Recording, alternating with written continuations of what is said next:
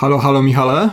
Halo, halo Bolku. Witamy bardzo serdecznie w kolejnym już 15 odcinku podcastu, który nazywa się Ścieżka Dźwiękowa i zanim Michał w krótki, ale zabawny sposób przedstawi wam, co dzisiaj będzie działo się w odcinku, to bardzo ważne ogłoszenie. Za tydzień już premiera drugiego odcinku, odcinka, Boże, język polski, z cyklu Mono. W zeszłym tygodniu, nie, dwa tygodnie temu mieliśmy premierę odcinka pierwszego, rozmawialiśmy o najdziwniejszych filmowych rodzinach, a tym razem będziemy rozmawiać o adaptac filmowych adaptacjach komiksów z naciskiem na komiksy nie superbohaterskie, e, ale ponieważ o komiksach nie mamy większego pojęcia, to będzie towarzyszył nam specjalny gość. Kto? No, powiedzmy tylko, że jest to e, popularna postać, e, prawda, no nie chciał być nazywany internetowym celebrytą, ale w każdym razie człowiek, który zna się i na filmach, i na komiksach. Kto to jest, dowiecie się już w odcinku Mono numer 2, premiera za tydzień. Mono w stereo, czy też kwadrofonia. tak, będzie strasznie trzy, trzy osoby ludzi. przy mikrofonie. Jezus, jak my to nagramy. Michał, co dzisiaj? Dzisiaj jedziemy do Cannes i Iranu. I tyle. Tak jest. To Tak, znaczy, dokładnie. No, Powiedz coś więcej. Znaczy i tak to jest napisane w opisie odcinka, ale powiedz coś jeszcze. to znaczy będziemy omawiać bardzo dużo filmów Cannes i, Których nie widzieliśmy, bo dopiero zapowiedzi tego, co będzie. e, i nieco filmów irańskich, które w większości jednak widzieliśmy. Tak, z naciskiem na klienta. Z małymi dygresjami do Rogera Cormana. Tak jest. E, Bardzo, bardzo dziękujemy za wysłanie tego wstępu i zapraszamy dalej. Zapraszamy.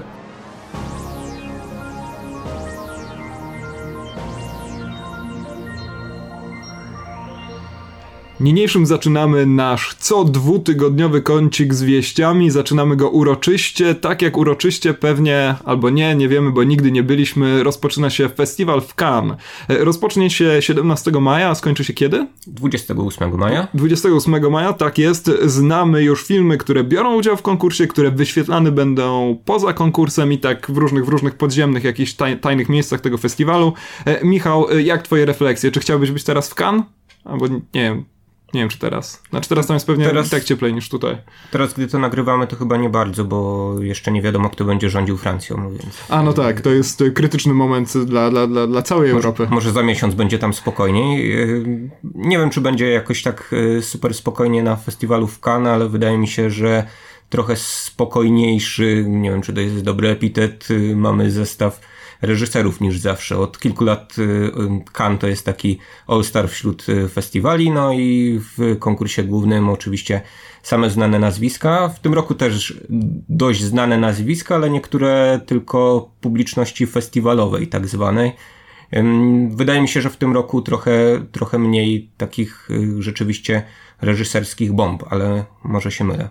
Tak, no ciekawe z czego to wynika. Może przede wszystkim z tego, że na przykład niektóre gwiazdy po prostu, nie wiem, nie chciały się akurat pojawić na czerwonym dywanie, nie, nie miały wolnych terminów i tak dalej. To jest zawsze problem w Cannes, kiedy jesteś, wyobraź sobie Michał, że jesteś dyrektorem w Cannes i musisz pogodzić z jednej strony potrzeby tych wszystkich maniaków Cannes i kinofili całego świata, a jednocześnie musisz coś rzucić francuskiej i międzynarodowej prasie, jakiś tam taki krwawy kąsek na czerwony dywan. Oni dość często tam mają też tak, że czekają na jakiegoś reżysera, który w ostatniej chwili skończy swój film. Na przykład taki Roman Polański byłby mm, być może kolejną postacią, którą można włączyć do konkursu w ostatniej chwili.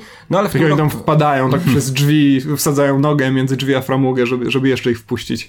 tak, pod warunkiem, że y, właśnie ten kraj, który organizuje festiwal nie, nie ma podpisanej umowy ekstradycji. Tak, Tak, właśnie, nami. trzeba, bardzo No ale przechodząc już jakby do tego zestawu y, filmów, które będziemy tutaj mieli, no to wydaje się, że takim największym nazwiskiem jest jednak Michael Haneke, prawda? Bo e, laureat Oscara, y, bo wielokrotny uczestnik Bo dobry e, reżyser fe- festiwalów. w większości tak, no przypadków. I udało mu się rzeczywiście sporo dobrych filmów zrobić. No może nie będę bardzo ironizował na temat Hanekego i większość jego filmów lubię. Tak, zdecydowanie. No on ma ten bardzo długi okres telewizyjny, który jest trochę mniej znany. Ja miałem chyba okazję raz w życiu widzieć jeden z e, tych jego filmów telewizyjnych.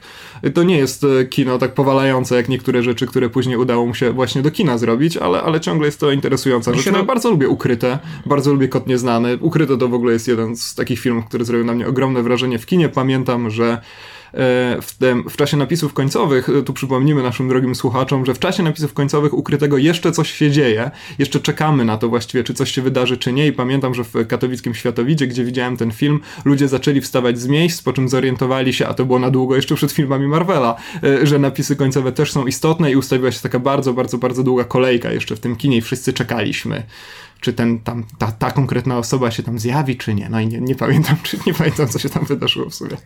Michael Haneke milczał lat kilka, y, od czasu nagrodzonej Oscarem Miłości jednak trochę, mm, no kilka lat minęło dobrych, y, ale taką tendencję ja zauważam w jego y, ostatnich filmach, że jakby złagodniał, zwłaszcza jeśli chodzi o tytuły tych filmów, prawda? Poprzedni tytuł Miłość, a teraz mamy film, który się Happy End nazywa. Tak, czyli spoiler już w można, tytule. Można by wnioskować, że y, stał się ciętym ironistą y, nagle Michael Haneke, tak? Ponieważ jego filmy y, zwykle jednak są dosyć przykre w odbiorze, to znaczy wzbudzają emocje no dość, dość mocne, ale to nie są takie, takie emocje pozytywne. Tak, do Funny Games pewnie jeszcze gdzieś tam dzisiaj wrócimy przy okazji chociażby klienta Farhadiego, ale e, oprócz, aha, to może skończmy jeszcze, że ten happy end wcale się nie zapowiada na taki happy film, bo temat wyjątkowo ponury, mianowicie e, historia, która dzieje się w Calais i w, w Calais, ja nie wiem, czy ja to dobrze wymawiam, nie wiem, czy Kan dobrze wymawiam, tak. e, czyli w tle kryzys imigrancki. Innym takim reżyserem, no może jednak tak 17 klas niżej niż Haneke, ale na którego film jakoś tam czekam, jest Kondra Gabriel Mundruczo? Mundruczo? Mundruczo, tak? Chyba tak i przynajmniej w no, Polsce wymawiamy. Uznajmy. E, I film, którego angielski tytuł, bo będziemy się tu posługiwać tym, co wyczytaliśmy na. Mm, no, to większość z tych filmów nie ma po prostu polskich tytułów, a nie będziemy was częstować tytułami węgierskimi. E, tytuł Jupiter's Moon, e, nowego filmu Mundruczo. Pamiętasz Białego Boga? To jest film o psach, które opanowują świat. Tak, bardzo dobrze pamiętam ten film, przede wszystkim dlatego, że Mundruczu bardzo mnie tym filmem zaskoczył, to znaczy nakręcił oglądalny film. W przeciwieństwie do Delty? W przeciwieństwie na przykład właśnie do, do wcześniejszej Delty czy Joanny, która była kompletnie nieoglądalnym takim pseudomusicalem. No, on nie próbowałem nawet. Próbował różnych awangardowych rzeczy, on zresztą też jest takim e, reżyserem teatralno-operowym, wystawiał pewne rzeczy nawet w Polsce tego typu. No, tak, i nie, nie, nie zrobili mu nic, za to nie, nie, nie zbojkotowali spektaklu. E, no, to nie są tak kontrowersyjne rzeczy. Nie, Węgrzy jak... łagodniejsi niż Chorwaci. Tak? tak, tak, dokładnie, dokładnie. Nie będziemy tutaj o teatrze mówić. No, nie, filmach. Że kino jest lepsze pod każdym względem. Dokładnie. E, ja białego... klasyka w życiu bym do teatru nie poszedł. E, ja Białego Boga bardzo lubię, bardzo mnie śmieszy ten film, tak pozytywnie, ponieważ mam wrażenie, że jakby Disney zwariował, po prostu jakby go opętało jakieś zło przedwieczne, to nakręciłby właśnie taki film jak Biały Bóg. Także Także wszystkim miłośnikom Disneya i wszystkim miłośników, miłośnikom psów e, szczerze polecam. Dokładnie i kota Toma też, bo kot Tom tam występuje w pewnym momencie. E, Jorgos, Jorgos Lantimos, e, kolejne nazwisko trudne do wymówienia, mhm. tym razem z filmem Killing of a Sacred Deer, film, czyli... Zabójstwo świętego jelenia. Tak, tak, tak. Ciekawe, czy taki będzie polski tytuł, bardzo ładnie to brzmi, prawda? Mam nadzieję, no ale Lobstera, czyli poprzedniego filmu Lantimosa chyba nie przetłumaczyli, chyba że dystrybutor zdecydował się na mm, lobster.homar. ostatecznie, no niestety nie. Nie, jednak to nie. Było chyba zbyt, o tym rozmawialiśmy trudne, kiedyś. Tak, tłumaczenie. E, w każdym razie jest to kolejny film Lantimosa, który teraz Kolejny ma... o zwierzątkach? Nie, on chyba nie będzie o zwierzątkach, wydaje mi się, że będzie o chirurgu granym przez Colina Farela, który zaprzyjaźnia się z jakimś mocno pokręconym nastolatkiem. Tak wynika z jakiegoś takiego jednozdaniowego streszczenia fabuły, które gdzieś przeczytałem, ale Lantimos ma teraz taką bardzo dobrą prasę w Stanach Zjednoczonych, ponieważ uważają go za, tam za totalnego dziwaka i kręci takie filmy, że, że mind blown, ekscentryczny reżyser, zupełne szaleństwo. E, no ja nie jestem wielkim fanem Lobstera, rozmawialiśmy sobie zresztą kiedyś o tym filmie, więc nie będziemy do niego wracać, ale to jest e, film już taką efektowną obsadą, ponieważ Colin Farrell i Nicole Kidman, którą wymieniamy pierwszy z czterech razy przy okazji rozmowy o tegorocznym Cannes. Tak, no i właśnie y, jedną z zalet Lobstera dla mnie było to, że Lantimos wyciągnął aktora z Colina Farrella. To się rzadko zdarza. Wcześniej chyba się zdarzyło Martinowi McDonaghowi w filmie In Bruges. Jeszcze się udało Alicji Bachlenie Curuś, że e, no, udawał dobrego męża. Chyba nie. E, no dobrze, pod tym względem może przy aktorze dobrze. Przez jakiś czas mu się udawało. E, no i być może z Nicole Kidman e, też coś zrobi dobrego. Nicole Kidman ostatnio ma taką sinusoidę. Filmy, w których wypada bardzo źle, na przykład Lion Droga do domu i nie wiadomo dlaczego dostaje za to nominacje i filmy, czy też seriale, w których wygląda i gra całkiem nieźle, jak omawiany przez nas niedawno Wielkie kłamstewka. Mhm. Tak jest. No i Nicole Kidman rzeczywiście tu jeszcze wróci, zresztą też w jednym serialu. Jakie dam jeszcze efektowne nazwisko przyciągnęło twą cenną uwagę, Michale? E, na pewno efektownym nazwiskiem jest nazwisko Coppola, e, które to nazwisko od, od, od, od, pewnego czasu niestety z Francisem Fordem nie, nie łączymy, e, ani z Nicolasem Kimem Coppola Cage'em, ale z Sofią Coppolą, która też po jakiejś takiej... Jak się nazywały te takie horrory, które były reklamowane, produkowane przez Coppolę, przez, w sensie przez Francisa Forda? Pożeracz? Smakosza. Smakosza, no, tak. tak Jeepers tak. Creepers, czyli po polsku Smakosz. A, no widzisz, zapomniałem. I wróć, przepra przepraszam cię, przerwę. Tak, ale to nie są yy, to moje nie ulubione filmy Francisa Forda Coppoli i nie polecamy chyba bardzo mocno Smakosza. E, natomiast y, możemy chyba zwrócić uwagę na ten film Sofii Coppoli z wielu względów. No przede wszystkim jest to remake. Jest to remake filmu z Clintem Eastwoodem. Znaczy to jest albo remake, albo z tego co wyczytaliśmy, po prostu druga adaptacja książki, która została już zaadaptowana w 71 roku i obaj nie wiedzieliśmy, kto wyreżyserował ten film e, z Eastwoodem, a kiedy zobaczyliśmy na Wikipedii, no to jest to nazwisko, które jakby tak Sofię Coppolę postawić w jednym miejscu, to te, tego człowieka trzeba postawić w bardzo, bardzo innym miejscu, bo jest to nie kto inny jak Don Siegel.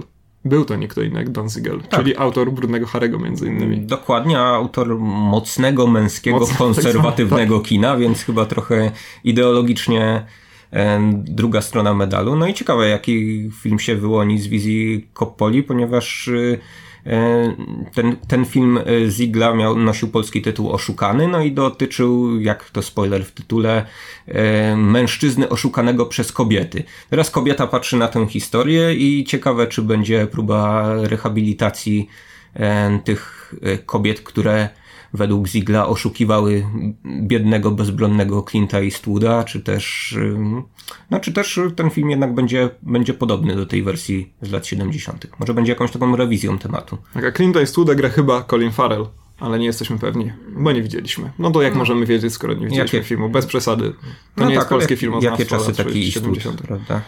E, dobra, jeszcze dwa filmy takie, które zwracają uwagę, no z jednej strony nazwiskami, bo to są znane nazwiska, a z drugiej strony pewnym takim trybem e, dystrybucyjnym, w które te filmy będą włączone. To jest Okia lub też Okja, e, autorstwa Bong Joon-ho, e, popularnego już teraz chyba koreańskiego reżysera i Meyerowitz Stories, e, czyli nowy film człowieka, którego nazwiska bardzo lubię e, wymawiać. Jedno nazwisko, czyli Noe Baumbacha.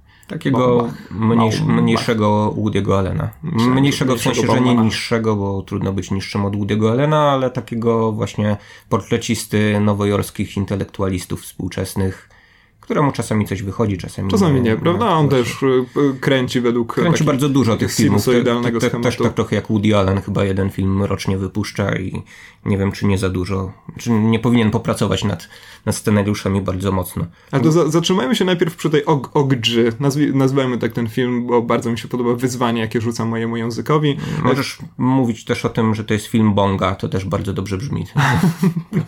tak, jak różne śmieszne nazwy zespołów stoner rockowych, Belzebong na przykład. E, w każdym razie to jest film faceta, którego amerykańska publiczność kojarzy ze Snowpiercera, oczywiście, a wcześniej facet faceta, który zrobił, czy tego samego faceta, który wcześniej zrobił e, The Matkę host. i The Host, tak? Mhm. E, o tyle, o ile Matkę, Matkę widzieliśmy chyba razem, nawet widzieliśmy na jakimś mhm. pokazie DKF-owym. E, to jest ciekawy film, ale pamiętam, że kiedy oglądałem The Host, to byłem absolutnie skonfundowany. To jest kapitalny film, ja zupełnie nie wiedziałem, czemu ci bohaterowie robią to, co robią. No to jest dla mnie esencja kina azjatyckiego, ale ja przepraszam znowu za jakiś rasizm, który w tym słowie jest pewnie pa, zawarty, bo, bo, tak? tak? bo wrzucam wszystkich do jednego worka, ale nie, to dobrze, może raczej powiem e, e, esencja kina dalekowschodniego, ponieważ i e, wielu reżyserów japońskich i koreańskich, zwłaszcza takich, którzy zajmują się popkulturą, e, lubią kręcić filmy, które z perspektywy zachodniej, z perspektywy europejskiej wyglądają na e, wszystkie gatunki filmowe w jednym. No i to jest właśnie też, e, wydaje mi się, przypadek The Host. No, mieliśmy ostatnio Lament koreański, bardzo dobry film, w którym też na przykład mieliśmy trochę horroru, trochę komedii, trochę dramatu obyczajowego, czy jakiegoś takiego rodzinnego dramatu, wobec czego można się po Bongu chyba spodziewać wszystkiego, prawda? E, tak Jak... jest, no Snowpiercer jest już dużo e, bardziej gdzieś tam wstrzelony w takie schematy e, hollywoodzkiego opowiadania, choć ciągle jest to, jako że nie jest to też film, który tak bezczelnie realizuje wszystkie schematy kina science fiction, no to dzięki temu udało mu się mhm. zaistnieć, to jest niezłe kino. A, a to mnie. będzie akurat film, którego zarys fabularny wygląda trochę jak zarys współczesnego E.T., prawda? Tak, ponieważ rzecz opowiada o złowrogiej korporacji. Wydaje mi się, że tą korporację będzie reprezentowała złowroga Tilda Swinton, która w Snowpiercerze też przecież grała. E, tam chyba akurat odpowiedzialna była za różne takie zabawne fragmenty, tutaj pewnie wręcz przeciwnie. E, I... No, ale świetną przedstawicielką korporacji, prawda? Bladą, taką trochę tak, tak, tak, wampirą, złowrogą. Aseksualną i i w dodatku kradnie pracę azjatyckim aktorom, tak jak to było w Doktorze Strange'u, e, chociaż jest, chyba w świecie korporacji jest trochę na odwrót, ale w każdym razie gra ona złowrogą przedstawicielkę korporacji, jak to zostało tu już 17 razy powiedziane, która chce odebrać małej dziewczynce jej najlepszego przyjaciela, a tym najlepszym przyjacielem albo przyjaciółką, płeć jeszcze przeze mnie niezidentyfikowana, e, jest jakiś fantastyczny stwór, albo stworzyca. Pokémon jakiś, tak. tak. I gra tam jeszcze Paul Dano, nie wiem czy gra tego Pokémona, co by pasowało, naprawdę Paul Dano powinien grać jakiegoś Pokémona. E, w każdym razie z przyjemnością to zobaczę, zwłaszcza, że będę to mógł obejrzeć nie wychodząc z domu. Tak, prawdopodobnie. Ten, ten film jest o tyle ciekawy właśnie, że jego dystrybucja mm, będzie no, dosyć niestandardowa. To znaczy nie wiem, czy koniec końców ten film wyląduje w kinach na jakichś pokazach, bo najpierw rzecz jasna zostanie pokazany w Cannes, ale niedługo później e, Netflix, który jest jego producentem. Dystrybutorem. E, I dystrybutorem pokaże ten film właśnie w swoim streamingu tak, więc pierwszy raz możemy na IMDB zobaczyć e, taki bardzo efektowny wykaz dat premier. Znaczy mamy 17 maja Cannes, a później 28 czerwca internet. A rok później w Polsce. A rok później w polskim internecie. To zresztą tak wzbudziło jakieś protesty we Francji. Mhm. Wiem, że protestują niektórzy filmowcy y, i krytycy przeciwko dopuszczaniu tego typu filmów E, do udziału w festiwalach, no ale zobaczymy, czy to będzie jakiś taki kamień milowy, czy to będzie jakiś taki przełom, jeśli chodzi o um, sposób właśnie pokazywania filmów, czy doczekamy w ogóle, znaczy pewnie doczekamy prędzej czy później e, czasu, kiedy na przykład odwrócą się trochę role i na przykład dzień przed pokazem kanańskim albo w tym samym dniu o tej samej porze w internecie będzie ten film prezentowany. Tak, i będzie live tweeting z mhm. krytykami kanańskimi. Będziesz mógł zobaczyć, jak bardzo się e, nie znają. Protesty, proszę pana, w Cannes to były w 60 roku, jak przygoda no, miała premierę. To są Francuzi, oni strajkują cały czas. No. To, to mały powód jest im potrzebny. I... I Meyerowitz Stories jest, e, będzie dystrybuowane w ten sam sposób, z tym, że jeżeli chodzi o ten film Baumbacha, to mhm. akurat wyczytałem o tym, że na pewno pojawi się w kilku, e, chciałem powiedzieć teatrach, fuj, w kilku kinach.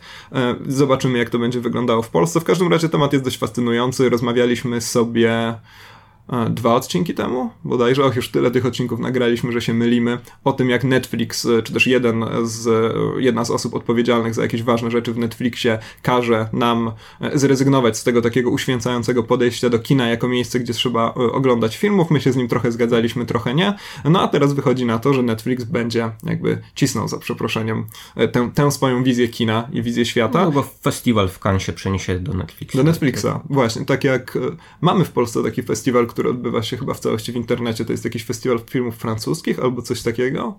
Nie wiem, ale w każdym razie uważam, że to jest bardzo ciekawy pomysł. Ja zawsze mam problemy z oglądaniem filmów na fizycznych festiwalach, bo po, na połowie śpię. Mm, Okej, okay. a na tych w internecie nie? ale nikt mnie nie widzi, nie ma wstydu. No dobrze. E, kilka fajnych e, pokazów poza konkursem, e, choć jeżeli chodzi o konkurs, to ja bym chciał może, jeszcze kimś Tak, może, może, może wymieńmy jeszcze chociaż, chociaż kilka, kilka, tych nazwisk, no chyba, że będziemy Szybko tak skakać wymienię. poza jak, konkurs. Jak wiele nazwisk I do, do konkursu. Jedna taka uwaga generalna. Wydaje mi się strasznie zamerykanizowanym ten festiwal kanański akurat, ponieważ mamy tutaj nazwiska, co prawda, reżyserów y, z całego świata, ale y, duża ich część robi filmy po angielsku z amerykańskimi y, aktorami. No i właśnie wymieniliśmy tutaj na przykład Lantimosa, rzecz jasna Sofia Coppola w ten sposób Bardzo kręci. Bardzo języczenie. Bong również podpada pod tę kategorię. No a mamy rdzennie amerykańskich e, reżyserów, takich jak Todd Haynes, który teraz prezentuje a, film, film Wonderstruck, film, który ma opowiadać no, taką dwutorową historię. Z jednej strony małego chłopca gdzieś e, w środkowych Stanach Stanów Zjednoczonych, e, opowiedzianą współcześnie, a druga historia dotyczyłaby jego rówieśniczki, ale 50 lat wcześniej e, w Nowym Jorku. No i oczywiście. Czy ta, przepraszam, ta historia tego małego chłopca dzieje się współcześnie? E, tak, tak, tak. Mhm. Tak, dokładnie. E, Michelle Williams, Julian Moore. E, Julian Moore po raz kolejny u Toda Heinza to jego jednak taka, taka muza jego kina. Daleko od nieba, jeśli ktoś nie widział, to polecam, ponieważ jeżeli macie zobaczyć jeden melodramat w swoim życiu, to... Jeden to... melodramat Toda Heinza w swoim e, życiu. No ja kiedyś uważałem, że obejrzenie jednego melodramatu w życiu to już za dużo, ale obejrzałem daleko od nieba i uznałem, że być może są jeszcze jakieś melodramaty warte uwagi, ale na pewno ten jest, jest abs absolutnym arcydziełem. Zwłaszcza jeżeli więc... podobał wam się Karol, bo wydaje mi się, że daleko od nieba jest jednak kilka poziomów wyżej niż Karol. Oczywiście tak. Tutaj się podpisuję po, po, pod, pod tym, co mówisz. Yy, mamy też tak, yy, to chyba na, taka największa niespodzianka dla mnie, takich yy, bardzo mało znanych braci reżyserów chyba z Nowego Jorku, e, przynajmniej tam kręcili swoje filmy wcześniej. I mm, to są bracia Safdi. Oni kręcą takie filmy, które trochę przypominają twórczość e, Johna Cassavetesa. Nakręcili do tej pory dwa filmy pełnometrażowe. Kilka lat temu widziałem na festiwalu właśnie film ich Go Get Some Rosemary, czyli przynieść trochę rozmarynu. Taki bardzo ładny tytuł. I tak i mniej więcej na tym oparta była intryga tego filmu, to znaczy trzeba, ktoś tam miał przynieść trochę rozmarynu. No. To jest, przepraszam, że to no, no, ja nie, nie, nie, nie będę tutaj nie spoilował, okay. polecam obejrzeć ten film, ale jeszcze lepiej przyjęty był ich następny film, który ym, nazywa się e, Heaven Knows What, y, czyli po polsku też bardzo ładny tytuł, Bóg wie co. No tak. Y, Film o y, młodych narkomanach, trochę przypominający y, Panic in the Needle Park y, Jerego Schatzberga, taki sły, słynny film z początku lat 70. z Alem Pacino y, o narkomanach i ten film Heaven Knows What rzeczywiście w podsumowaniach rocznych krytyków filmowych zbierał bardzo dobre recenzje.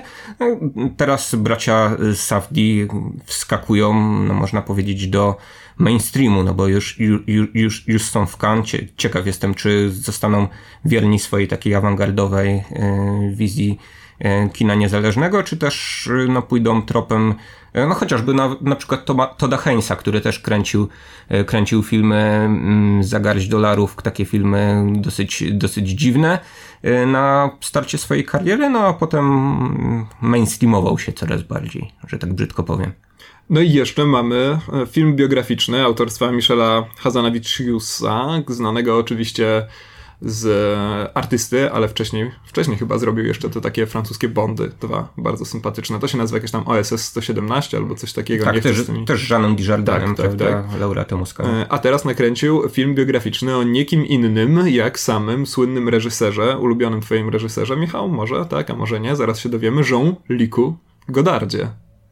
Tak, zdecydowanie jednym z najgorszych reżyserów wśród tych nobilitowanych naj, najwyżej tak, przez krytykę filmu. Z, z, tego, co udało mi się wyczytać, to film będzie opowiadał przede wszystkim o tym, jak Godard poznał swoją drugą żonę, a poznał ją chyba na planie Chinki, to jest gdzieś tam 67 rok mhm. albo coś takiego. Czyli mm, to będzie już co prawda ten Godard, który coraz bardziej wariuje, ale chyba zdecydowanie bardziej wolałbym obejrzeć e, historię późniejszego Godarda, który jest już zupełnie zwariowanym twórcą. Dlaczego kręci filmy Czemu w ogóle kręci które kręci? Filmy? Tak? Czemu w ogóle kręci? Dlaczego kręci z brudnopisu tak, tak, tak. zamiast scenariusza? czemu, czemu stworzył takie rzeczy jak nasza muzyka i tak dalej? Zdecydowanie bardziej wolałbym o tym mm, poczytać. E, zwłaszcza, że te, bo to już, to, to, to już, co już jest po, e, po pogardzie, tak, więc to, są, to jest jeszcze ten Godard, którego da się oglądać. No ten film nawet akurat bardzo lubię, e, ale rzeczywiście chciałbym, żeby Hazanavichus poszedł trochę później w, w, w, rozwoju, albo w cudzysłowie, rozwoju twórczości Godarda. Dla Godard mnie Go, Godard się skończył na do utraty tchu, no i y, liczmy na to, że y, Hazanavichus też nie skończył się na Oscarze. Mam nadzieję, że to nie będzie taki, y, taka, ta, taka synteza jednak, że Także postanowił Tutaj... po prostu drogą, drogą swojego mistrza i z tym, że Godard akurat y, całkiem niedawno odmówił przyjęcia Oscara za całokształt twórczości.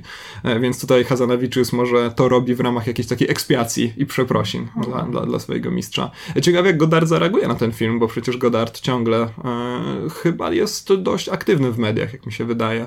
On unika jednak takiego zgiełku festiwalowego, unika właśnie tak, tak, no na festiwal nie jeździ, właśnie na nagród, y, dłubie swoje dziwne filmy, eseje, czasami nawet w 3D. Udało mu się popełnić e, swego czasu taki film o o psie i niczym poza tym.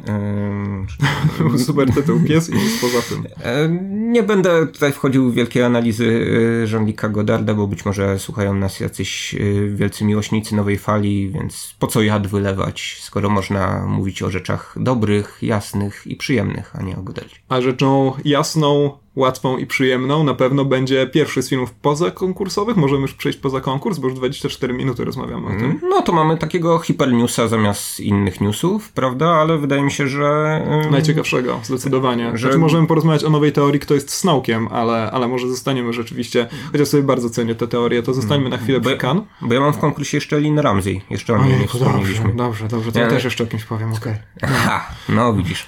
Skoro rozmawiamy o e, reżyserach z całego świata, którzy przyjeżdżają robić filmy e, z amerykańskimi aktorami i przez to na czerwonym dywanie w Cannes mogą przeparadować różne gwiazdy, no to Lynn Ramsey, e, twórczyni, musimy porozmawiać o Kevinie, też z Tildą Swinton.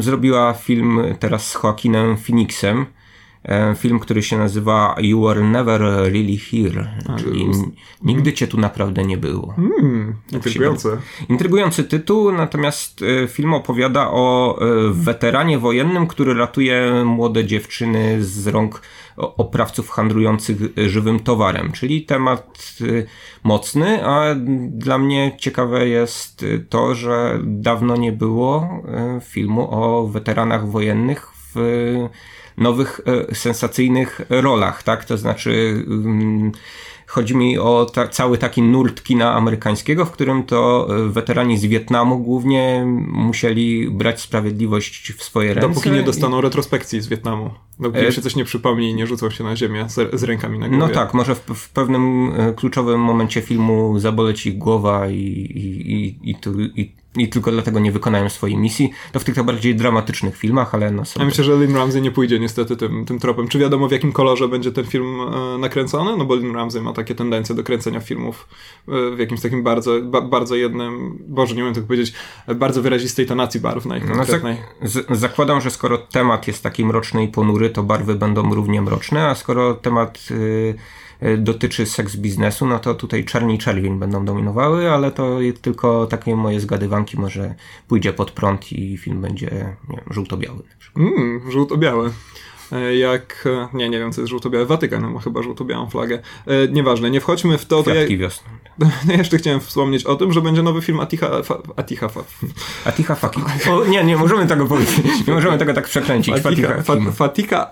No teraz tego nie powiem. Akina. Fatiha Akina, oczywiście znanego turecko-niemieckiego reżysera, który no, swego czasu dorobił się naprawdę poważnej pozycji dzięki Soul mhm. Kitchen i Głową w mur. Ja widziałem z jego ostatnich filmów Ranę, E, to był film o tym, jak w Imperium Osmańskim e, pewien mężczyzna e, przeżył masakrę Ormian, ale jego córki zostały bodajże porwane i on ich mhm. szuka po całym świecie, prawie chyba to się kończy w Stanach Zjednoczonych. W każdym razie film obiecuje takie, taką fantastyczną i wzruszającą przygodę, ale rzecz jest naprawdę bardzo źle skręcona, naprawdę. To znaczy Fatih Akin uf, zachowuje się jakby pierwszy raz stanął za kamerą. Jest to rzecz no niemal nieoglądalna, naprawdę. Więc mam nadzieję, że to In the Fate to będzie rzecz ciekawsza, zwłaszcza, że jak gdzieś wyczytałem, będzie to pierwsza w niemieckojęzycznym filmie rola Diane Kruger. Mhm. A ja Diane Kruger zawsze oglądam, ponieważ jest to kobieta, która dostąpiła kiedyś zaszczytu zagrania najpiękniejszej pani na ziemi, czyli Heleny w Troi e, Petersena, no i później grała między innymi w Bękartach Wojny. Tak nie gra szczególnie dużo, ale z przyjemnością zawsze ją oglądam na ekranie. A rzecz ma się dziać oczywiście w środowisku tureckich imigrantów w Hamburgu. U mnie Akin podpada pod taką kategorię reżyserów, którzy zadebiutowali e, wstrząsająco, że na początku swojej kariery wydali z siebie wielkie dzieło. Dla mnie tym takim jest Głową w mur, Gegen Divan, a potem niestety trochę się pogubili kręcąc jakieś takie pseudokomedyjki o, o kucharzach właśnie. No zobaczymy, co, co, co tym razem upichci nam, nam Akin. E, to ja może zamykając już konkurs zupełnie... Czekaj, czekaj, zro, tak, ja też już nie Zrobię taki prze, przegląd nazwisk e, poza tym. Laureat Oscara Andrzej Zwagincew, e, ostatnio znany antyputinowiec z filmem Loveless, znany publiczności festiwalowej alkoholik. Za, za co Zwagincew dostał Oscara? Za Lewiatana. E, nie dostał za Lewiatana, dostał złotego, ale, złote, złotego globa dostał. Ach, cóż za, cóż za błąd. to się, to się wytnie. To się, to się wytnie, przepraszam, przepraszam. E, to znaczy ja wręczyłem mojego prywatnego Oscara wówczas Lewiatanowi, no i tak, i tak mi zostało. No, te, terapia wyparła Oscara. Nie nawet przemontowana Ida przez TVP cię nie przekonała? No nieważne, w każdym razie. Przemontowanej wersji nie oglądałem. Wr wróćmy do Zwagincewa. Mm, tak, mamy Zwagincewa w konkursie, mamy y, koreańskiego y, reżysera y, Hong Sang-soo, znanego głównie z tego, że w jego filmach ludzie piją alkohol. I mamy... nic nie robią potem. Tak, tak, tak no, rozmawiają ze sobą bądź nie, bądź milczą i piją alkohol. E, mamy François Ozona. A też... rzeczywiście, ale on kręci film co pół roku, więc. E, no podobnie ja jak Hong, Sang-soo, z tym, że no, Ozon jednak trochę zmienia rejestry i stylistycznie te jego filmy przynajmniej się różnią w przeciwieństwie do Tak, to znaczy mimo wszystko nowy film Ozona zawsze jest jakąś tam przygodą, naprawdę. Tak jak mówię, ja się zatrzymałem na Rickim, czyli chyba z 5 czy 6 lat temu, ale jednak nawet to, co dokręcił, nakręcił do czasów Rickiego, za każdym razem reprezentowało sobą mm, zupełnie inny rejestr. Na, pew na pewno warto sprawdzać te filmy Ozona, bo różny poziom trzymają, ale od czasu do czasu zdarzają się perełki różne. E, mamy ulubieńców e, kina slow, czyli Siergieja Łoźnicę z jednej strony, a z drugiej strony globu Naomi Kawazę, autorkę filmu, który nazywał się bardzo minimalistycznie An, a po polsku nazywał się zupełnie nieminimalistycznie Kwiat wiśni i czerwona fasola. Yy, mamy Jacques'a Dwalona, który był bohaterem retrospektywy, przepraszam bardzo, nie, niedawno na Nowych Horyzontach z filmem, który nazywa się Roden i zakładam, że będzie historią właśnie słynnego rzeźbiarza. Yy, no i mamy yy, wreszcie Robina Campio, który kiedyś tam wyreżyserował taki bardzo ciekawy film o dzieciach powracających z zagrobu. I to nie był film o zombie, to znaczy poniekąd był o filmem o zombie, jeżeli uznamy, że zombie są wszyscy ludzie wracający z zagrobu, ale to był taki właśnie dramat obyczajowy, który, który opowiadał o, e, o tym właśnie, jak e, no, społeczeństwo, jak ludzie mogą w ogóle zareagować na, na to, że przepracowali traumę, a tutaj ich, ich ukochani wracają. To, tak, był taki serial. Dokładnie, tak, dokładnie o tym chciałem powiedzieć powiedzieć, że potem to zostało przerobione na serial dwusezonowy, też naprawdę niezły. Można go po, na Netflixie oglądać. Polecamy obie produkcje. I tym sposobem udało mi się Udało się e, przejść przez kategorię konkurs. Tak, tak ja tutaj już nie będę, zresztą to chyba rzeczywiście już wszystkie wymieniliśmy zupełnie wbrew wcześniejszym planom. E, to ja wrócę do tej kategorii pozakonkursowej. Zacząłem zapowiadać ten film mówiąc, że to w przeciwieństwie o tym, e, o czym ty wspominałeś, na pewno będzie przyjemne, dobre i w miarę łatwe w odbiorze, choć być może ta ostatnia cecha wcale się tutaj nie sprawdzi. Czyli nowy film Takasiego Mike. E, Takashi Mike już pojawił się w naszym podcaście przy okazji ostatniego, e, poprzedniego odcinka, który był e, pierwszym odcinkiem naszego cyklu Mono. Tam wspominałem o szczęściu rodziny Katakuri. Tym razem Takashi Mike kręci Blade of the Immortal i jest to adaptacja... No, co się śmiesz, Michał? Nie, no, to taki bardzo ładny tytuł dla gry komputerowej na przykład. No, jest to adaptacja mangi. Mangi zupełnie nie znam. Wyczytałem na Wikipedii, że opowiada ona i to jest najlepsza część, najlepsza rzecz w ogóle, która została napisana na Wikipedii o człowieku, który musi zabić tysiąc złych ludzi, żeby odzyskać swoją śmiertelność. Przypomnijmy, że Takashi Mikedo jest autor e, między innymi filmowej wersji Atamana, a także e, trylogii Dead or Alive. Ja widziałem pierwszą część Dead or, Dead or Alive w wieku bodajże lat 14 czy 15 i ostatnia scena zupełnie jakby przestawiła moje spojrzenie na kino. Naprawdę fantastyczna rzecz. Polecam każdemu, jak ma 15 lat. Poza tym Takashi Miike, e, kolejny obok właśnie Honga czy Godarda, reżyserów, którzy się tutaj pojawiają, których twórczość jest niewątpliwym wyzwaniem dla monografistów, ponieważ człowiek, który robi po dwa albo trzy filmy rocznie, no i jeśli ktoś chce objąć całość tej produkcji, no to życzymy powodzenia.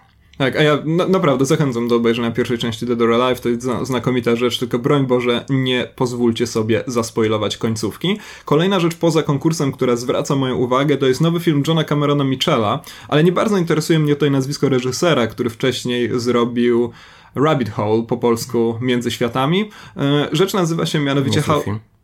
Tak, tak z Nicole Kidman mhm. i jeszcze jakimś znanym panem, którego w tym momencie nie przypominam sobie. E, ale rzecz nazywa się e, Jak rozmawiać z dziewczynami na imprezach i bardzo możliwe, że nie jest to e, dobre tłumaczenie tego tytułu, ponieważ tytuł został już u nas przetłumaczony.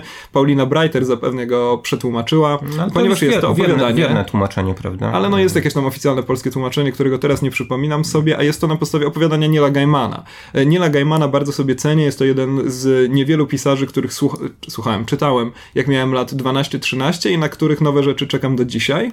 E, to jest rzecz bardzo interesująca, jest to opowiadanie. Opowiada ono, jak to opowiadania, e, o mm, chłopakach na imprezie, którzy usiłują podbić do dziewcząt z, jakby się wydawało, Erasmusa, ale okazuje się, że nie jest to do końca taki Erasmus, jak czytelnikowi, a przede wszystkim tym chłopcom mogło się wydawać. Na tej podstawie. Erotizmus, tak? Chodzi o coś zupełnie innego. A powsta po powstał też komiks na podstawie tego opowiadania, całkiem niezły zresztą, e, więc czekam z niecierpliwością, zwłaszcza, że Gaiman niedługo e, wróci, znacząco on jest super mainstreamowym i bardzo popularnym pisarzem, ale teraz będzie jeszcze bardziej popularny, ponieważ oczywiście pojawi się serial na podstawie amerykańskich bogów. Tak, no czekamy na obie produkcje, na pewno. E, poza konkursami znowu Hong Sang-soo na przykład. Tak, to, tak, to, tak, to, to, to jest bardzo ciekawe, zapomniałem o tym wspomnieć wcześniej, że są dwa filmy Hong Sang-soo, jeden w konkursie, jeden poza, no machnął sobie coś tam na boku. Um, ale też y, Vanessa Redgrave y, z filmem o też bardzo pięknym tytule Morze Smutku. Tak, Morze Smutku. Vanessa Redgrave to jest oczywiście gwiazda powiększenia Antonioniego. Wspaniała aktorka, piękna kobieta, która w wieku już słusznym postanowiła zadebiutować na stoliku nie, na, na stołku, na stołku, tak? Tak się mówi. Na stołku reżyserskim. Na stołku tak? reżyserskim. Albo za stolikiem montażowym, chyba można powiedzieć. A, no, to jest bardzo. Bo znaczy, nie wiadomo, geografia planu filmowego i umeblowanie planu filmowego to jest skomplikowana rzecz. E, a ta rzecz z kolei może smutku będzie opowiadać o emigrantach. Sama Vanessa Redgrave bodajże musiała uciekać z Wielkiej Brytanii, gdzieś tam w okolicach II wojny światowej i chyba rzeczywiście chce sprzedać ten film jako pewne przelanie swoich doświadczeń. Więcej nie wiem. Ale mhm no, ja czuję duży sentyment do aktorskiej twórczości, zresztą laureatki Oscara Vanessa Redgrave, więc z przyjemnością zobaczę, co wyreżyserowała. No i się super nazywa Vanessa Redgrave. Redgrave, to jest fantastyczne. Nazywa się Królowa Wampirów. Tak, no i kręci film, który się nazywa Morze Smutku. W ogóle mam bar bardzo piękne tytuły. Mamy w tym roku w Cannes.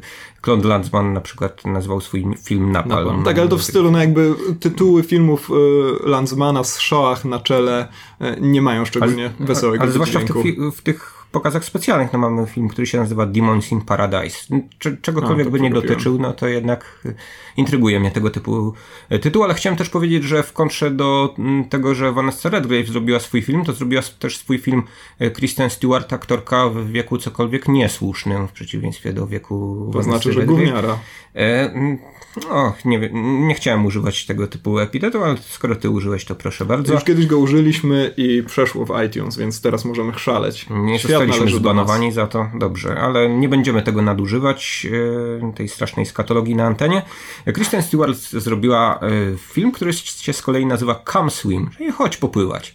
E, podaj, no. podaj mi rozmaryn i chodź po, po, po, popływać. Zważywszy na to, że w Sils... Nie można pływać po jedzeniu. W Sils Maria miała taką scenę Juliette Binoche, w której szły razem pływać. Spodziewam się miłych doznań wizualnych. Chociaż nie wiem, czy Christian Stewart akurat gra. Streszczenie tego filmu, streszczenie fabuły jest bardzo enigmatyczne, prawda? Y, wynika z niego, że będzie to jakieś mhm. artystowskie nie wiadomo co, ale może Christian Stewart nas y, zaskoczy. Rozmawialiśmy sobie trochę o Christian Stewart przy okazji Personal Shopper Asayasa kilka odcinków temu. Dobra, no takich, z takich atrakcyjnych, złowrogich tytułów, to jak się zapatrujesz na taki tytuł jak Twin Peaks, pierwsze dwa odcinki nowej serii będą miały pokaz w Cannes a propos tego nakładania się przemysłu filmowego i telewizyjnego. Tak, tu mamy kolejny, kolejny przykład tego, że y, telewizja wkracza na festiwale, czy festiwale do telewizji, trudno mi powiedzieć, a w zasadzie do internetu. Teraz nawet nie wiem, czy słowo telewizja jest słowem uprawnionym. Trzeba by znaleźć jakieś takie nowe słowo, które obejmuje tą całość. Proponuję słowo te telenet wszystkim radioznawcom. Świetnie, po prostu jesteś futurystą z lat 50. Dziękuję bardzo. Myślę, że będzie czas porozmawiać jeszcze o Twin Peaks jakoś tam szerzej. Będzie trzeba pewnie. Na razie y, niewiele wiemy. Mamy takie no, enigmatyczne jak to Twin Peaks i jak to David Lynch y, teasery. Mamy garść y, fotosów, które się pojawiły na okładkach różnych magazynów amerykańskich. Mamy książkę Marka Frosta, Tajemnice Twin Peaks, która wyszła też w Polsce. Jest to bardzo fajne, bardzo efektownie wydane tomiszcze. E, zrobione jest to w ten sposób, że udaje taki zbiór przeróżnych archiwaliów związanych z wydarzeniami Twin Peaks. E, w żaden sposób nie sugeruje, co będzie się działo w kolejnym sezonie, ale polecam e, ubrać się w garnitur, przysiąść przy jakimś takim profesjonalnym, urzędniczym biureczku i zacząć przerzucać tą książkę, tak żeby mieć wrażenie, że siedzi się gdzieś w jakichś aktach tajemniczych. I to jest naprawdę sympatyczna rzecz, polecam. Tak, Mogę w, komuś. W, w, oczekiwaniu na powrót do Twin Peaks, no rzecz jasna polecamy sobie przypomnieć yy, też pierwsze dwa sezony, ponieważ jednak... No bo pierwszy sezon i siedem odcinków kolejnego sezonu, no już jak, e, jak chcecie. Rzeczywiście można, można pominąć część odcinków drugiego sezonu i przejść od razu do finału, tak? Tak, a możecie, no zresztą rzeczywiście o Twin Peaks pewnie będziemy sobie rozmawiać osobno. E, kolejnym serialem, który będzie miał premierę w, mm, chciałem powiedzieć Twin Peaks, ale niestety tylko po prostu w Cannes, będzie Top of the Lake, oczywiście Jane Campion. E, serial, który już miał bodajże dwa sezony, serial nowozelandzki, o którym nie będziemy sobie dużo rozmawiać, ponieważ żaden z nas nigdy się z nim poważnie nie zapoznał, ale to jest jakiś taki suplement do naszych e, przewijających się od czasu do czasu przez ten podcast dyskusji o tym, jak to produkcje telewizyjne wyświetlają wyświetlane są w kinach. Co ciekawe, na innych festiwalach, na Tribeca na przykład, e, to jest już taki niemalże zwyczaj, żeby puszczać produkcje telewizyjne i to nie tylko jakieś piloty wyreżyserowane przez Martina Scorsese'ego na przykład, e, czy takie filmy stworzone przez ludzi, które po, którzy po prostu muszą znaleźć się na wielkim festiwalu. No David Lynch po prostu za co on dostał Złotą Palmę? Za dzikość serca tak bodajże, tak prawda? Więc to jest człowiek, który e, do, do, do Twin Peaks, no, do Cannes dostanie się po prostu nawet jeżeli um, nie wiem, chciałem wymyślić jakąś śmieszną historię o tym, jak David Lynch wejść do domu, ale no, niech będzie, że jak wyreżyseruje reklamę, e, ale na niektórych festiwalach puszczają chociażby, nie wiem, nową serię Unbreakable Kimmy Schmidt i tak dalej, no głównie po to, żeby pewnie przyciągnąć e, publiczność, która może później zostanie też na jakiś w cudzysłowie normalny film. No tak, no to jest y, chyba taki y, wciąż pewien problem dla y, tak zwanych krytyków starej daty, nie chcę szufladkować ludzi bardzo mocno też pod względem wieku, ale jednak Kan próbuje y, łączyć wodę z ogniem, o ile y, ogniem można nazwać dla, dla niektórych krytyków filmowych, y, no te wszystkie takie pokazy specjalne z tłumem gwiazd amerykańskich, które rzekomo rujnują święto kina, prawda? No to tam uświęcono... wiadomo, gwiazdy nigdy nie były istotnym elementem kina jako zjawiska. Nie, no oczywiście, no ale w tym obiegu festiwalowym no, jednak uświęca się reżyserów przede wszystkim, tak, a gwiazdy mają być gdzieś z boku, no ale polityka kan jest taka jednak, żeby sporo tych gwiazd hollywoodzkich zaprosić, no i też wydaje mi się, że dla gwiazd hollywoodzkich wciąż może nie aż tak jak Oscary, ale nobilitujące jest dostanie nagrody tak, choć jak tak. wiadomo, na festiwalach najważniejsi są nie reżyserzy, nie aktorzy, tylko programatorzy, że tak brzydko zarymuję tych wszystkich festiwali i to dzięki nim mamy wizję tego, że na przykład powstaje jakaś nowa fala, jakieś tak zwane kino narodowe albo jakiś ambitny autor. E, Michał, czy coś jeszcze o Kan, czy przechodzimy dalej? No chyba możemy powoli zmierzać do końca tego naprawdę chyba najdłuższego newsa w, w historii, w, w, w, w naszej, w naszej historii. Ja chciałem tylko zauważyć, że jakimś dziwnym trafem Loren Cantet, czyli jeden też z laureatów Złotej Palmy, nie załapał się do głównego konkursu ze swoim nowym filmem. A co to miał być za film? E, ten film się nazywa L'Atelier czy hmm. atelier, nie wiem, czy to L jest tutaj, nie za krótko się uczyłem francuskiego. On jest w sekcji, y, którą A, jest, spolszczę jako okay. pewne spojrzenie, un mm certain regard. To tyle mojego francuskiego. Dobrze, dokończymy tą na, naszą na dziś. wspólną kompromitację na dzisiaj i przechodzimy dalej. A teraz premiera. Obejrzeliśmy. Bam, bam, bam, bam. Nie mamy ciągle jingle. Film irański.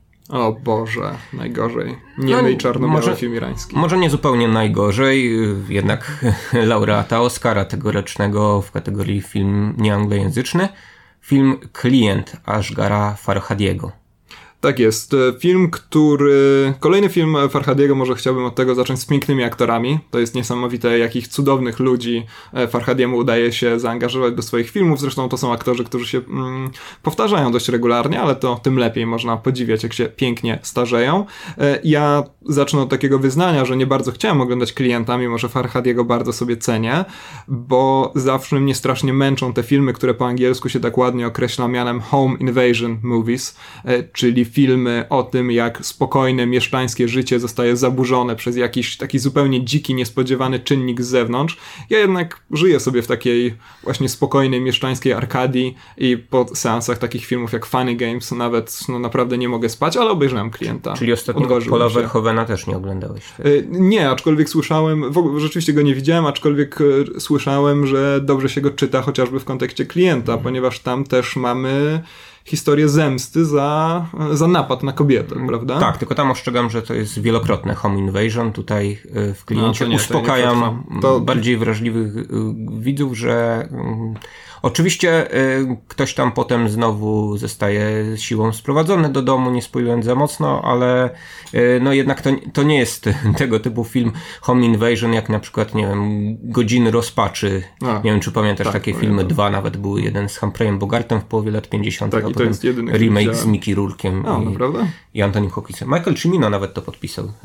Michael Cimino, niedawno zmarły. Reżyser, który samodzielnie zbankrutował wytwórnię United Artists, ale e, nie będziemy o tym rozmawiać. Tak, nasze dygresje płyną coraz tak, dalej. Tak, o, mieliśmy o kinie irańskim i oczywiście dzieje? dojechaliśmy... A przeszliśmy do dawnego westernu e, Wrota Niebios. Ale to jest jakoś chyba uprawnione, zważywszy na to, że jednak Farhadi trochę się kojarzy z takim właśnie zachodnim sposobem kręcenia filmu, tak, stylem zerowym, jednak nawiązywaniem do pewnych gatunków filmowych wypracowanych czy też ukonstytuowanych y, w Ameryce? I czy on jest taki właśnie y, rdzennie irański, egzotyczny czy nie też... będziemy, ja wydaje, wydaje mi się, że to jest w ogóle materiał na zupełnie osobną dyskusję. Może poświęcilibyśmy temu materiałowi jakiś nasz odcinek mono. Y, właśnie pytanie o to, na ile istnieje coś takiego jak faktycznie esencjonalne kino narodowe, y, kino egzotyczne, jak powinno wyglądać kino irańskie i czy na pewno Farhadi, tak, właśnie, tak jak Kurosawa wcześniej, odchodzi od tej domniemanej esencji. Ja na przykład uważam, że nie. Uważam, że takie kategoryzowanie to jest takie bardzo brzydkie uproszczenie, ale rzeczywiście chyba, chyba nie powinniśmy teraz o tym gadać, bo już i tak huh, zaczęliśmy o Farhadim, o kliencie, a coraz bardziej od tego klienta się e, oddalamy. Farhadi to jest taki ciekawy twórca, którego twórczość możemy podzielić chyba na takie dwa bardzo wyraziste okresy. To znaczy najpierw trzy filmy, których nikt nie widział, które kręcił jeszcze w Iranie. No, mają polskie znaczy, okay, tytuły, więc yy, może ktoś jednak widział. Znaczy tak, no tak, to jest Tańcząc w Pyle, to jest piękne miasto i to jest Perski, Perski Nowy Rok, tak, więc to są rzeczywiście rzeczy, które pewnie doczekały się jakiejś dystrybucji, nie wiem, jeżeli nie kinowej, to może ktoś to wypuścił kiedyś na DVD. Ja akurat Piękne Miasto miałem okazję widzieć i to bardzo fajnie wpisuje się też w tą późniejszą twórczość Farhadiego.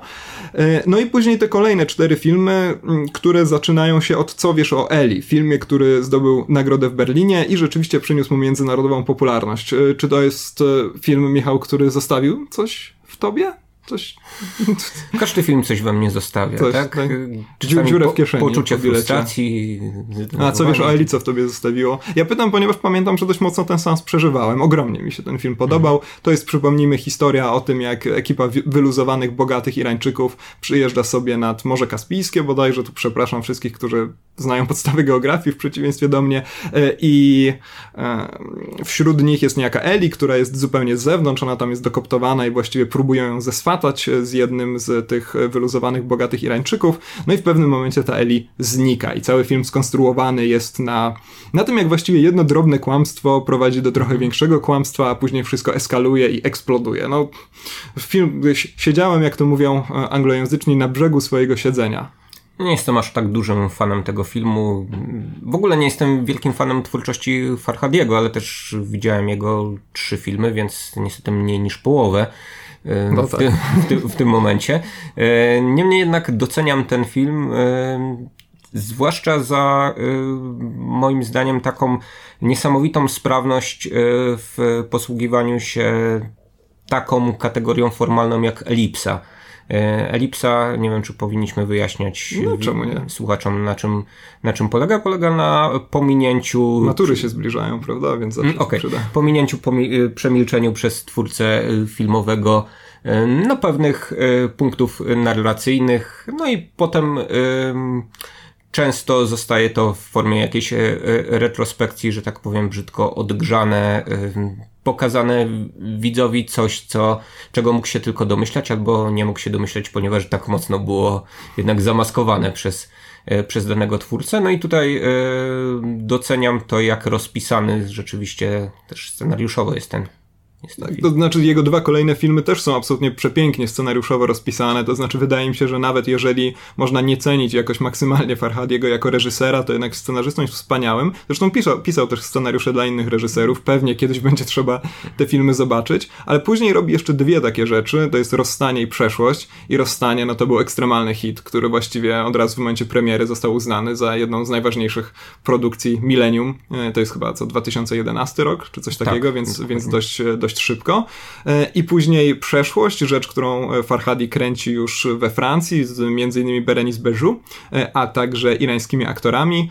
I to, te oba filmy właściwie utrzymane są w takiej bardzo charakterystycznej dla Farhadiego nie wiem jak to teraz ładnie nazwać, ale w, taki, w, takim podejściu do bohaterów, może nazwijmy to w ten sposób, kiedy Farhadi przedstawia bardzo wyraźnie pewne problemy, problemy etyczne, problemy moralne, że posłużymy się takimi efektownymi słowami, ale raczej nie przyz, przyznaje tutaj żadnemu ze swoich bohaterów takiej jednoznacznej racji, buduje te ich relacje bardzo często na niedomówieniach, na właśnie pomijaniu pewnych informacji, które czasem zdradza w pewnym momencie, a czasem nie. No i kiedy się wychodzi z tych filmów, filmów, to ja w każdym razie miałem takie wrażenie po seansach tych trzech Farhadich, że Wydawało mi się, że obejrzałem tak naprawdę rzecz y, bardzo zręcznie skręconą przez porządnego rzemieślnika, kiedy oglądam film, a kiedy wychodzę z filmu, to czuję po prostu cały talent Farhadiego, że te filmy wyglądają jakby były bardzo proste, a są niesamowicie skomponowane, skomplikowanie. Uch, na jednym dechu. Tak, żeby zrobić y, porządny film tak zwanego stylu zerowego. Jak to pejoratywnie brzmi, prawda, w ogóle ta kategoria, no ale będziemy się nią chyba jakoś posługiwać mimo wszystko. E, no jednak potrzeba porządnego twórcy i polecam wielu tak zwanym autorom filmowym e, tego typu trening, e, skomponowanie porządnego dzieła, dzieła gatunkowego. Ja nie widziałem akurat filmu Przeszłość, ale czy ten film w jakiś sposób E, zahacza o to, co się dzieje w filmie Rozstanie, to znaczy, bo ze streszczenia wynika, że e, on mógłby być niejako sequelem filmu Rozstanie. Film Rozstanie, przypomnijmy, jest e, spoiler w tytule znowu o parze, która rozstać się jakoś za bardzo nie może, przede wszystkim przez restrykcyjne prawo Zupełnie irańskie. fascynujący irański proces sądowy, który polega tak. na tym, że sędzia słucha, jak ludzie na siebie krzyczą. Także tu mamy jakby no, nową twarz dramatu sądowego w przeciwieństwie do takiego ping-pongu amerykańskiego prokuratora z amerykańskim adwokatem, co często oglądamy. Tak, I tak zwany crossfire examination. Próby przekonania ławy przysięgłych o winie bądź niewinności. Tutaj, tutaj mamy ludzi pokrzykujących na siebie bardzo mocno, no a w przeszłości co mamy parę po rozwodzie, prawda? Mamy e, dwie tak naprawdę pary po, po, po, po, po rozstaniu właśnie, czy też hmm. właściwie w jednym przypadku w trakcie rozstania właśnie do końca. nie wiadomo, czy po rozwodzie. Tak, znaczy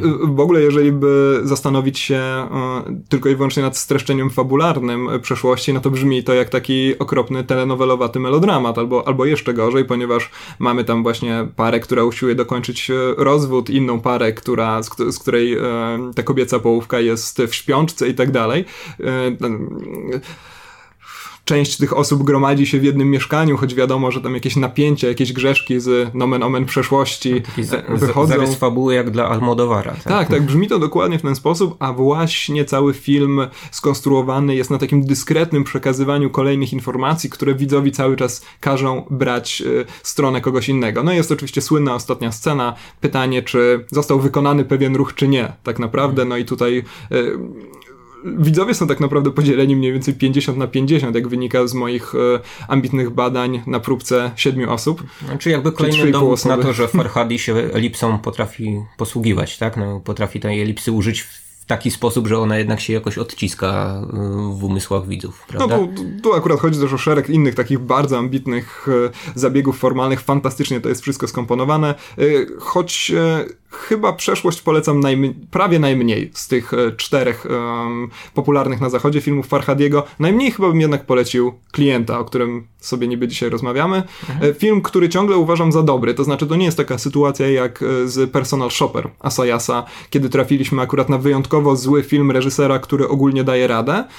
Teraz mamy reżysera, który bardzo daje radę i który po prostu miał słabszy dzień, ale ciągle kręci film lepszy niż większość tego, co oglądacie w kinie na co dzień, co możecie zobaczyć w kinie na co dzień. Tak. Y, wspomniałeś tutaj e, za kulisami naszej rozmowy o tym, mhm. że backstage. nie lubisz tego nagminnego e, powtarzania tezy, że oto Farhadi jest jakimś następcą Hitchcocka. Tych następców Hitchcocka w kinie Mamy oczywiście 150 i między innymi Farhadiego się mm, tutaj dziwnym trafem e, zalicza, no ale jednak ten film zaczyna się od takiego hitchcockowskiego tak, trzęsienia tak, tak, ziemi, prawda?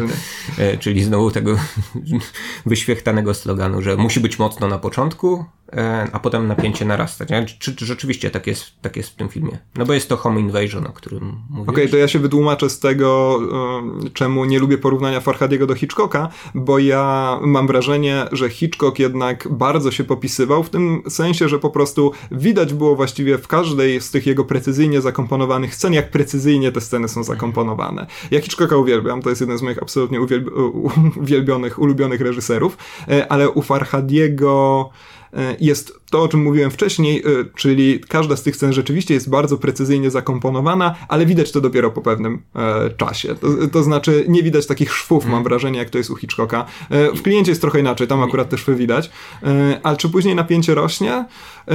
No właśnie. Właściwie chyba nie. Wydaje mi się, że przez pierwsze 40-45 minut raczej oglądamy sobie takie spokojne życie. Właśnie takiej, takiej co to jest? Klasa inteligencja tak no, zwana, no, to nie używa się już takiego słowa, e, ale tak, e, małżeństwo aktorów, którzy oprócz tego, że muszą zmagać się ze swoimi prywatnymi problemami, jeszcze przygotowują spektakl, a konkretnie śmierć komiwojażera tak. Artura Millera. Death of a Salesman, z którego to tytułu no, przesz przeszła część do tytułu angielskiego. No. Tak, nie, nie wiem, jak brzmi ten e, irański tytuł, to też jest jakieś jedno słowo, ale przyznam, że nie sprawdziłem w słowniku, czy to jest klient, czy to jest Komi Voyager. No polski tytuł Komi Voyager byłby super, naprawdę, no ale to jest ten problem, że mm, polski tytuł sztuki Millera no, używa takiego słowa, którego nikt już dzisiaj raczej nie zna, e, a to jest akurat pewien problem, że używa się słowa mm, klient, a nie, a nie Komi Voyager, właśnie, bo to trochę... Słowo klient jest pewnego rodzaju spoilerem i tego nie będziemy mówić. No e, właśnie, właśnie, rzeczywiście, tak, zdecydowanie. W jaki sposób to fabule wypływa, no bo nie wypływa też w jakiś taki sposób bardzo oczywisty. Ale rzeczywiście miałem, miałem problem e, z tym takim narracyjnym uspokojeniem, że takiego eufemizmu e, uznam, bo jednak, e, jednak po, star po, po starcie tego filmu no, otrzymujemy coś w rodzaju innego filmu i przez przez y, długi czas jakby zastanawiałem się, czy ta, czy ta trauma początkowa w ogóle będzie jakoś, jakoś rezonować, czy to jest taki film, w którym e, nie wiem, reżyser chce, chce, chce pokazać, że jakby nie każde dramatyczne wydarzenie ma jakiś taki e, ma jakiś taki oczywisty wpływ na poczynania bohaterów, czy jakby, mm, jakby bardzo mocno się na nich odciska. Wydaje mi się, że, że, że jakby mm, tu jednak pewien problem konstrukcyjny w tym, w, ty, w, ty, w tym filmie następuje, to znaczy ta, e, ta trauma się nasila dopiero w drugiej części filmu, kiedy zdążyliśmy o niej być może nawet trochę zapomnieć, znaczy przynajmniej ja tak. A, to też jest bardzo ciekawe, bo jednak jedna osoba doświadcza tej traumy, mhm. ale to y, druga osoba się nią y, nie tyle bardziej przejmuje, bo trudno, mhm. bo widać jednak, że w, u, u, tej dziewczyny, ta, ta, ta, dziewczyna, żona jednak też y, przechodzi straszliwe katusze, ale... No tyle możemy powiedzieć, że została napadnięta tak, no to jest, żona. Żona zostaje napadnięta. Tak, bo tego nie powiedzieliśmy tak, wprost, być może ktoś... może ktoś to ktoś sobie... Jak, może trzeba traktować nasz podcast jak filmy Farhadiego, są efektowne elipsy, nie wszystko zostało powiedziane i tak dalej. Jeżeli chodzi o to trzęsienie ziemi, to to jest trochę okropne, że film o problemach małżeńskich zaczyna się od rozpadającego się domu. Mhm. I ta, niestety to taka trochę prymitywna metaforyka i bardzo rzucająca się w oczy symetria, mam wrażenie, trochę psują ten film. To jest też pytanie dla naszych drogich słuchaczy, czy kiedy wiecie, że mm, w jakimś filmie został wykorzystany inny, pardon, tekst kultury, to czy jesteście w stanie oglądać ten film nie szukając paraleli z tym tekstem kultury? No w tym momencie mamy tą śmierć komiwojażera. Mi się przypomniała mhm. zagłada domu Asherów, tak? gdzie, gdzie degeneracja bohaterów wprowadziła do fizycznej zagłady domu. Tak jest. E, tu polecamy klasyk żona, żona Epsteina. No bądź też wersję Kormana. Tak, tak, tak, no oczywiście. E, Jezu, teraz naprawdę teraz mam wielką ochotę przejść na rozmawianie o adaptacjach Edgara Allana Poe'a autorstwa Rogera Cormana, ale to kiedy indziej. E, w każdym razie, jeżeli chodzi o to, co jest bardzo typowe dla Farhadiego, to na pewno to, że rzeczywiście może inaczej. Wyczytałem gdzieś przygotowując się do tego odcinka, że Farhadi zażyczył sobie, aby jego na, na, jego nagrobku napisać empatia. Albo nie zażyczył sobie, albo powiedział po prostu, że fajnie by tak było. Ja na przykład chciałbym, żeby na moim nagrobku wszystkie e, litery utrzymane były w klimacie tego tak zwanego crawla otwierającego e, Gwiezdne Wojny, więc każdy ma swoje życzenia, ale empatia to równie dobrze mógłby być tytuł większości filmów Farhadiego, biorąc pod uwagę jego podejście do bohaterów, o którym tu już sobie wspominaliśmy. E, I rzeczywiście tutaj mamy niby wydawałoby się taką rasową narrację zemsty z wyraźnym winnym i bardzo wyrazistym tym aniołem zemsty, który na tym winnym musi się, no właśnie, zemścić, ale Farhadi bardzo w swoim stylu tak naprawdę nie zgadza się tu do końca z nikim, nikomu nie przyznaje ostatecznej racji, a przede wszystkim widzowi każe przyjmować co rusz to inne punkty widzenia. No i to jest chyba taka, to jest w ogóle chyba, naj, jakbyśmy rozmawiali o Farhadim w kontekście y, politycznego wydźwięku, wydźwięku, no ze względu na to, że to są irańskie filmy i ze względu na to, że mamy takich twórców jak Jafar Panahi na przykład, który co prawda dostał zakaz kręcenia filmów przez 20 lat, ale kręci gdzieś tam komóreczką filmy bardzo mocno zaangażowane politycznie, które później są przemycane na europejskie festiwale na pendrive'ach, e, no to wydaje mi się, że e, u Farhadiego nie ma tego bardzo wyrazistego przesłania politycznego, ale sam fakt, że on cały czas stara się obalać to przekonanie o tym, że jest jedna wyrazista prawda w kraju, który ma taki, a nie inny system e, prawny, oparty na bardzo wyrazistych zasadach, jest tak naprawdę na, najwyraźniejszym politycznym przesłaniem tych filmów Farhadiego i to u niego bardzo lubię. Tak, to jest jednak ciekawe, że to jest y, twórca irański, na, początku powiedzieliśmy, który się wydaje trochę taki zwesternizowany, tak? To znaczy jego filmy właśnie mają konstrukcje, przynajmniej te, które widziałem w dużej mierze, nawiązujące do pewnych e, schematów wręcz kina gatunkowego amerykańskiego, ale zarazem no, te schematy nie są w tych filmach najważniejsze. No, można uznać, co wiesz o Eli, do pewnego stopnia za thriller, można uznać e, rozstanie za dramat sądowy. No i e, w kliencie rzeczywiście wydaje się, że mamy do czynienia E, z kinem zemsty, ale no, mamy jednak e, coś dużo więcej pod kątem e, opowieści właśnie o Iranie i o mentalności ludzi tam. To nie jest właśnie tak, że, że ta strategia Farhadiego to no to jest właśnie taka bliska egzotyka, czy też może inaczej, takie, takie właśnie oswajanie pewnych pewnych egzotycznych zachowań, czy też wzorów kulturowych dla zachodniego widza. Że to są przede wszystkim takie filmy właśnie e, dla nas. Spójrzcie, jaki ten Iran jest trochę dziwny, ale w sumie ci ludzie są w zasadzie tacy jak wy. No ale jest tak, tak, tak samo złożony, tak mhm. naprawdę. Mm-hmm. Nie, nie, chodzi nawet o to, że są takie same problemy, prawda? Patrzcie, gwiazdy takie jak my, jak to mówił um, Kącik bodajże w Vivie albo w Gali, któryś z gazet, które regularnie czytuję, ale teraz nie mogę sobie przypomnieć. E, ale tu, tu przede wszystkim bardzo ciekawe jest e, to akurat przetwarzanie schematów kina gatunkowego, no bo kino gatunkowe gdzieś tam zakłada, że my jak widzowie możemy się zidentyfikować z konkretnym bohaterem, który jest dobry i jeżeli rzeczywiście dochodzimy do zwieńczenia jakiejś fabuły, no to wszystko wraca na swoje miejsce, zło zostaje ukarane i tak dalej. A, A u Farhadiego tak naprawdę tego zła nawet nie da się zidentyfikować. Nie, nie, nie, musimy się zastanawiać nad dwoma rzeczami, to znaczy no ten kod jest nam dosyć dobrze znany, wiemy mniej więcej, yy, z, z, znamy te, te kody opowieści właśnie z, z kina gatunku, czy z kina zachodniego i wobec tego poddać analizie możemy raczej to, co różne od właśnie naszego punktu widzenia i te różnice kulturowe w kliencie chyba Farhadi podkreśla nawet wydaje mi się zbyt mocno, zbyt ostentacyjnie. Mówiłeś o tej takiej właśnie mocnej metaforyce tego filmu i tutaj bardzo bardzo istotny w strukturze filmu jest właśnie ten teatr. Jest y, sztuka Śmierć Komi Voyagera. Właśnie, bo zaczęliśmy od tego, ale odeszliśmy oczywiście. W jej, w jej fragmentach, w fragmentach y, prób y, scenicznych bohaterów no, pewne, pewne różnice kulturowe bardzo mocno się naoczniają. Mamy tam e, pewne złożone kwestie tego, co można pokazać w Iranie na dyskach teatru, a w zasadzie czego nie można mówić i nie można pokazać.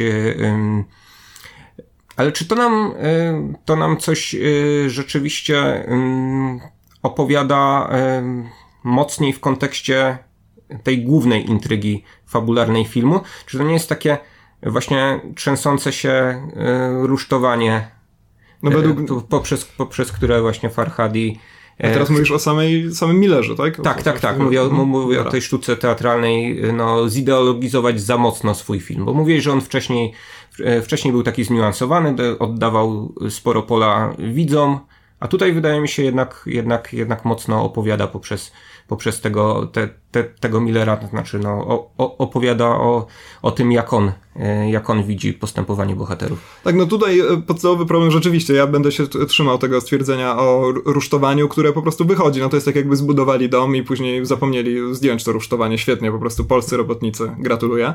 E, tu chodzi raczej o to właśnie, że mamy takie bardzo wyraziste paralele przez większą część filmu w każdym razie. To znaczy mamy tego bohatera, Emada, bo tak on ma na imię, który gra Williego Lomana, czyli główną rolę u, e, u Millera. E, I ten Willy Loman e, rzeczywiście w jakiś sposób można znaleźć między nimi paralele. To znaczy, z jednej strony mamy Williego Lomana, który przypomnijmy, zastanawia się nad tym, no czy on jest faktycznie prawdziwym mężczyzną, skoro nie jest w stanie e, swojej e, rodzinie zapewnić to, na co ona według niego zasługuje. No, jednocześnie mamy e, Emada, który z kolei też pewnie zastanawia się, czy jest prawdziwym mężczyzną, jeżeli nie pomści krzywdy, która dopadła jego, mm, jego żonę. Tak, jego duma została urażona, nie w sposób materialny, tak. To tak, co tak, najważniejsze dla Amerykanów. Tak, ale to, podoba mi się za to to, że ta symetria w kulminacji filmu, kiedy dowiadujemy się e, pewnych informacji, wszystko wskakuje na swoje miejsce, że ta symetria zostaje zupełnie przeniesiona. To znaczy faktycznie Willego Lomana zaczyna przypominać ktoś inny. E, pytanie, czy rzeczywiście dla takiego jednego zabiegu, który nawet nie wali nas twa w twarz, tylko gdzieś tam w pewnym momencie trzeba chyba do niego dojść, no warto rzeczywiście budować takie strasznie wyraziste znowu rusztowanie i, i na przykład zaczynać film od ujęć sceny teatralnej, a skończyć film ujęciem mieszkania oświetlonym tak jak scena teatralna, bo chyba tak tam mamy, mamy do czynienia chyba z takim zabiegiem. No ja mam generalnie problem z tego typu filmami, które się posiłkują tak zwaną wielką literaturą, czy też y, właśnie e, wielkimi dramatami. Dla. Y, no, Okej, okay, to jest w pewnym stopniu to uzasadnione właśnie fabularnie, tak jak mówisz. Tylko wydaje mi się, że, że to jest taki, e, taki zabieg, który ma rzeczywiście też e, pokazywać e, widzom, że a oto obcujemy z sztuką wysoką i oto obcujemy z czymś, co jakby przerzuca pomost pomiędzy Zachodem a Iranem, że dlatego właśnie ta sztuka jest, jest dobrze znana, mocno osadzona w, w kulturze amerykańskiej. Mamy, ma, ma, mamy taki klasyk, a nie Y, a nie jakąś tam, jakąś, jakąś sztukę no, irańską na przykład, albo, albo coś, coś, coś zu, zupełnie mniej znanego. To znaczy mam, mam, mam problem, problem z tym, że w momencie, gdy w tak y, istotny, w tak mocny sposób umiejscawia się w, w filmie mm, coś bardzo dobrze znanego skądinąd w kulturze, no to jednak ciężar e, no, tego, tego implantu, to nie, trochę, trochę właśnie no, będzie rozsadzał każdą opowieść. Tak, tak, tak. Bo, bo za, zawsze będziemy się zastanawiać na,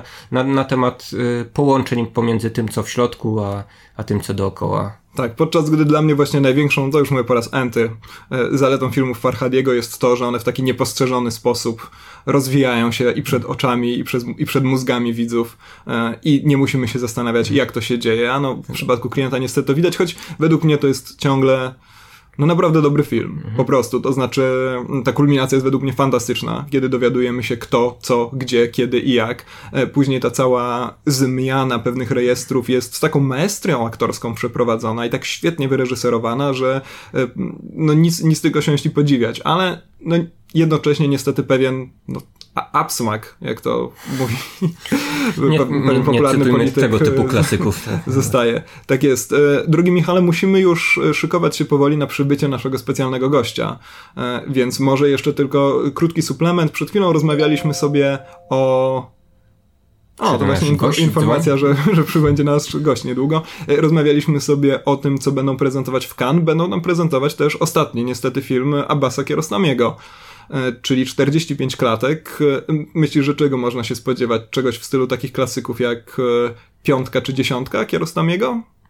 Trudno mi powiedzieć, nie jestem e, e, znawcą kina irańskiego i też znawcą kina Kiarostamiego. No ale pamiętasz, że to są takie filmy, gdzie po prostu kamera rejestruje na przykład fale rozbijające się o brzeg morza. E, oczywiście, to znaczy ja zawsze się spodziewam najgorszego, e, no jest... bo, bo dla, dla, mnie to najgorsze. Ja kiedyś puszczałem jeden z tych filmów studentów i, studentom i usłyszałem całą historię o tym, co zaraz wydarzy się z tym kawałkiem drzewa na przykład, które leży na plaży. Mhm. Więc to widzisz, trochę, trochę znaczy, inspiracji od Kiarostamiego. No właśnie nie zawsze zawsze się wydarza, a taki problem, yy, w taką trochę pułapkę wpada za to Farhadi chyba, nie? że teraz się będziemy spodziewać zawsze jakiegoś twistu fabularnego w jego filmie. Jak.